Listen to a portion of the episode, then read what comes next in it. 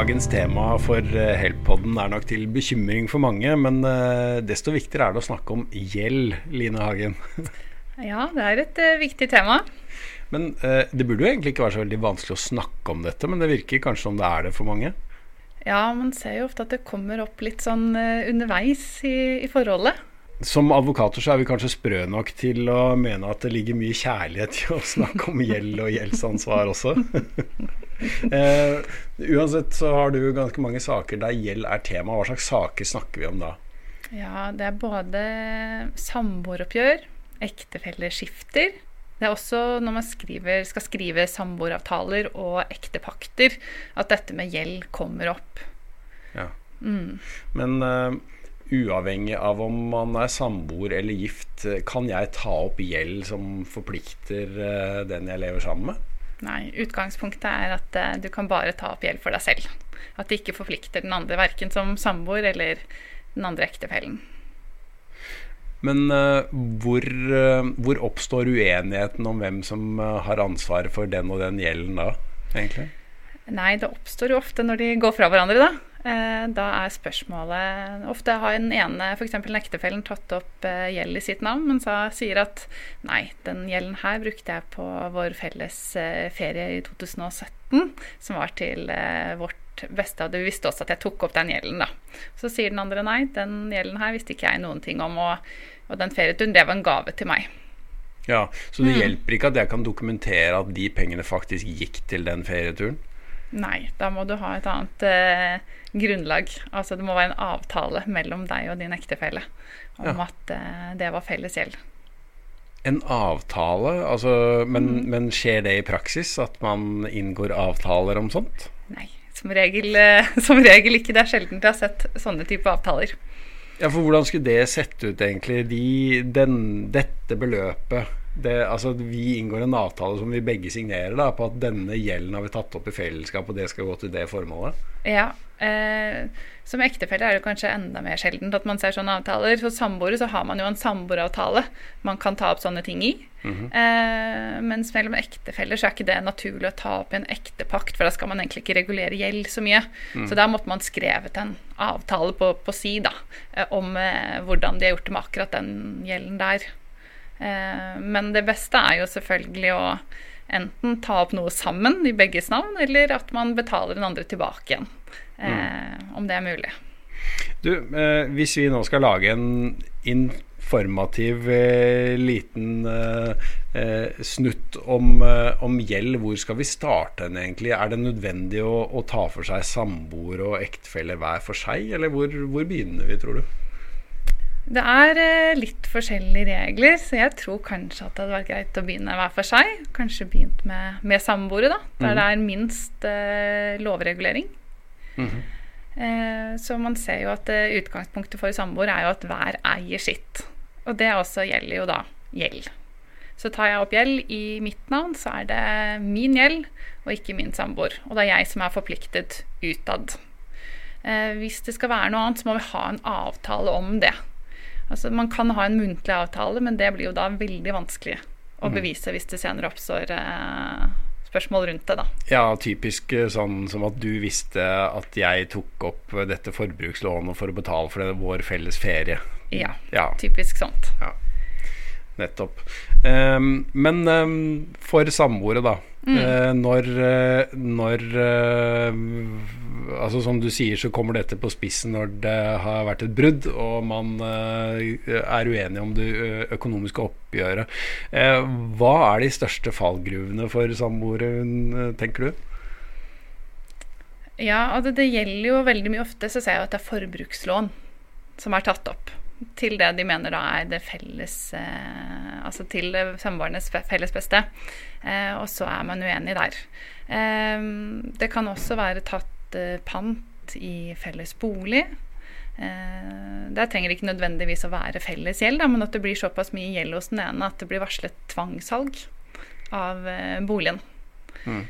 Og som samboer så får man som utgangspunkt ikke noe varsel om at det blir tatt utlegg, og utlegg altså da en pantesikkerhet, et sikkerhet for en pengekrav. Mm. Eh, så får man ikke noe varsel om at den andre eh, samboeren har tatt opp, eh, fått utleggspant i felles bolig. Og så plutselig får du da varsel om at boligen skal eh, tvangsselges. Og det er litt kjedelig å komme i den situasjonen der. Ja, jeg får ikke noe varsel fordi at uh, den, det er bare den ene som står som formell eier av f.eks. en bolig, da? Eller? Ja, det kan være mm, begge situasjoner. Enten så står jo den ene samboeren som eier, Eh, og kanskje ikke det er det reelle eierforholdet. Kan være at de eier 50-50.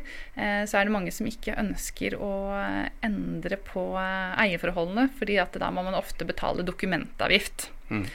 Eh, så da er det ofte en som står som eier, men så er kanskje eierforholdet 50-50. Og da kan jo den ene samboeren, som står som eier utad, mm. ta opp gjeld egentlig på hele boligens verdi uten andre samtykke. Ja, for det er ingen andre som vet at du og jeg i samboeravtalen vår har avtalt at vi eier noe 50-50? Nei, det er det ikke. Mm. Så den, for samboeravtaler fins ikke noe tinglysning av det. Eh, så det er bare noe vi oppbevarer eh, på et trygt sted hjemme. Mm. Men betyr det da at du eh, anbefaler alle som kommer til deg da eh, og skriver en samboeravtale, mm. eh, at man også faktisk eh, sørger for at skjøtet sier det samme som samboeravtalen? Ja jeg vil alltid anbefale å ha det samme på skjøtet som i samboeravtalen. Det kan jo tenkes unntak der man bare skal eie sammen et par måneder eller lignende, men som klare hovedregel anbefaler jeg at man uh, har det reelle eierforholdet både på skjøtet og i samboeravtalen. Og så finnes jo unntak, altså Det fins jo ting man kan gjøre også hvis man står i den situasjonen der den ene eier utad, mens innad så eier dere 50-50. Da går det også an å få tinglyst noe som heter en urådighetsklausul, som gjør at samboeren f.eks. ikke kan ta opp mer eh, pant i boligen enn det som tilsvarer hans eller hennes verdi. Mm. Mm. Um, ja, og det kan jo være greit, men da uh, Grunnen til at man skal gjøre det fremfor å skrive et nytt skjøte som uh, sier hvem som i realiteten eier hva, er at da utløser man ikke dokumentavgift. Det er det, det som er tilfellet. Det er riktig. Ja.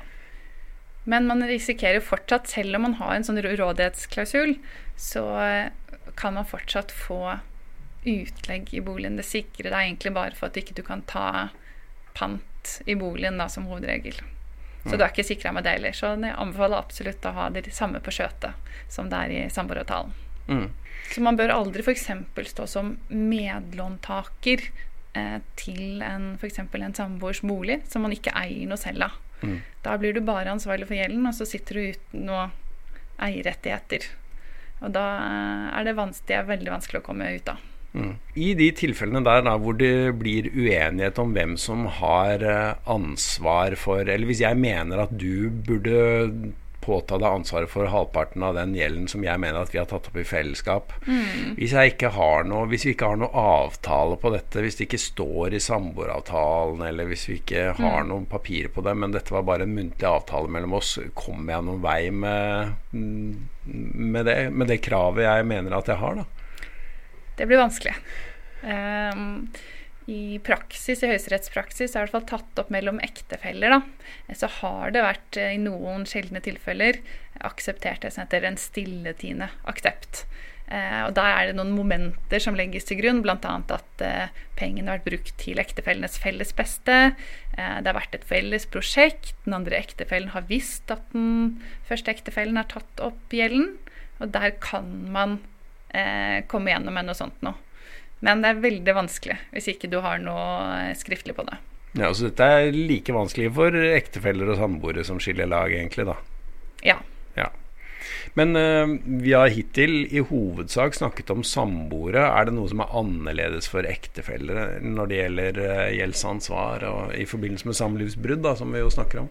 Ja, når man er ektefeller, så er det jo ikke helt sånn at mitt er mitt og ditt er ditt. At det er sånn delingen uh, foregår. Da har man en annen form for deling. Eh, der tar man på en måte tar sine verdier eh, og deler på to med den andre ektefellen. Og så tar den andre ektefellen og deler sine verdier på to med den andre ektefellen. Mm. Så hvis da den ene ektefellen har vært eh, flink, spart masse, si at den sitter igjen med en netto på to millioner kroner, mens den andre ektefellen har eh, hatt et eh, spillproblem eller lignende, bare masse gjeld, så er det jo da kanskje bare minus fra den. Og minuset skal aldri deles. Man blir aldri ansvarlig for den andre ektefellens gjeld. Men da får jo den ektefellen som bare har minus igjen på sin side, ikke noe å dele med den andre. Mens den som sitter igjen med masse verdier, må dele halvparten med den som har minus. Ja, eh, jeg kan jo forstå at dette oppleves som urettferdig. Ja, det er det veldig mange som syns er fryktelig urettferdig. Ja, og det, som advokat så må jo du bare orientere egentlig om hvordan regelverket fungerer. Du, da. du kan jo ikke trylle dette bedre for den som sitter med skjegg i postkassa og må dele, og har vært flink til å spare og allikevel Ja. må dele. Ja, Har man først kommet dit, så er det ikke så eh, mye mange utveier eh, rundt, altså. Ok, nå har vi laget en liten eh, ABC til gjeld og gjeldsansvar for både samboere og ektefeller, egentlig. Eh, skal vi la det bli med det, eller er det noe vi har glemt å snakke om nå? Eh, Det jeg tenker som er et lite tips, spesielt for eh, ektefeller, da, vi snakket litt om denne samboeravtalen. Hvis man inngår ekteskap med en man vet kanskje ikke er så flink med penger, eller man er redd for at den skal komme i økonomiske vanskeligheter, og at man er nødt til å dele sin del, eh, så hvis man ikke ønsker det, så bør man opprette en ektepakt. Og der kan man skrive det som heter fullstendig særeie, som gjør at det blir litt likt som samboere, at mitt er mitt og ditt er ditt. Så går man fra hverandre da, så skal man ikke dele noe av sitt, og man tar heller ikke noe av samboeren sitt, nei, ektefellen sitt. Eh, og denne type dokumenter, eh, der kan det kanskje være en fordel å få litt advokathjelp eh, for å sette det opp riktig, eller? Ja, det kan, disse skjemaene kan tilsynelatende se ganske enkle ut, men der kan det være mye fallgruver, så jeg ville tatt kontakt med en advokat for opprettelse av det. Helpodden den eh, var i dag ved Line Hagen og Dag Are Børresen. Og hvis du eh, søker der du ellers finner podkaster, så vil du finne eh, mange flere episoder om ulike juridiske tema som jeg håper du vil ha glede av. Tusen takk for at du så eller hørte på.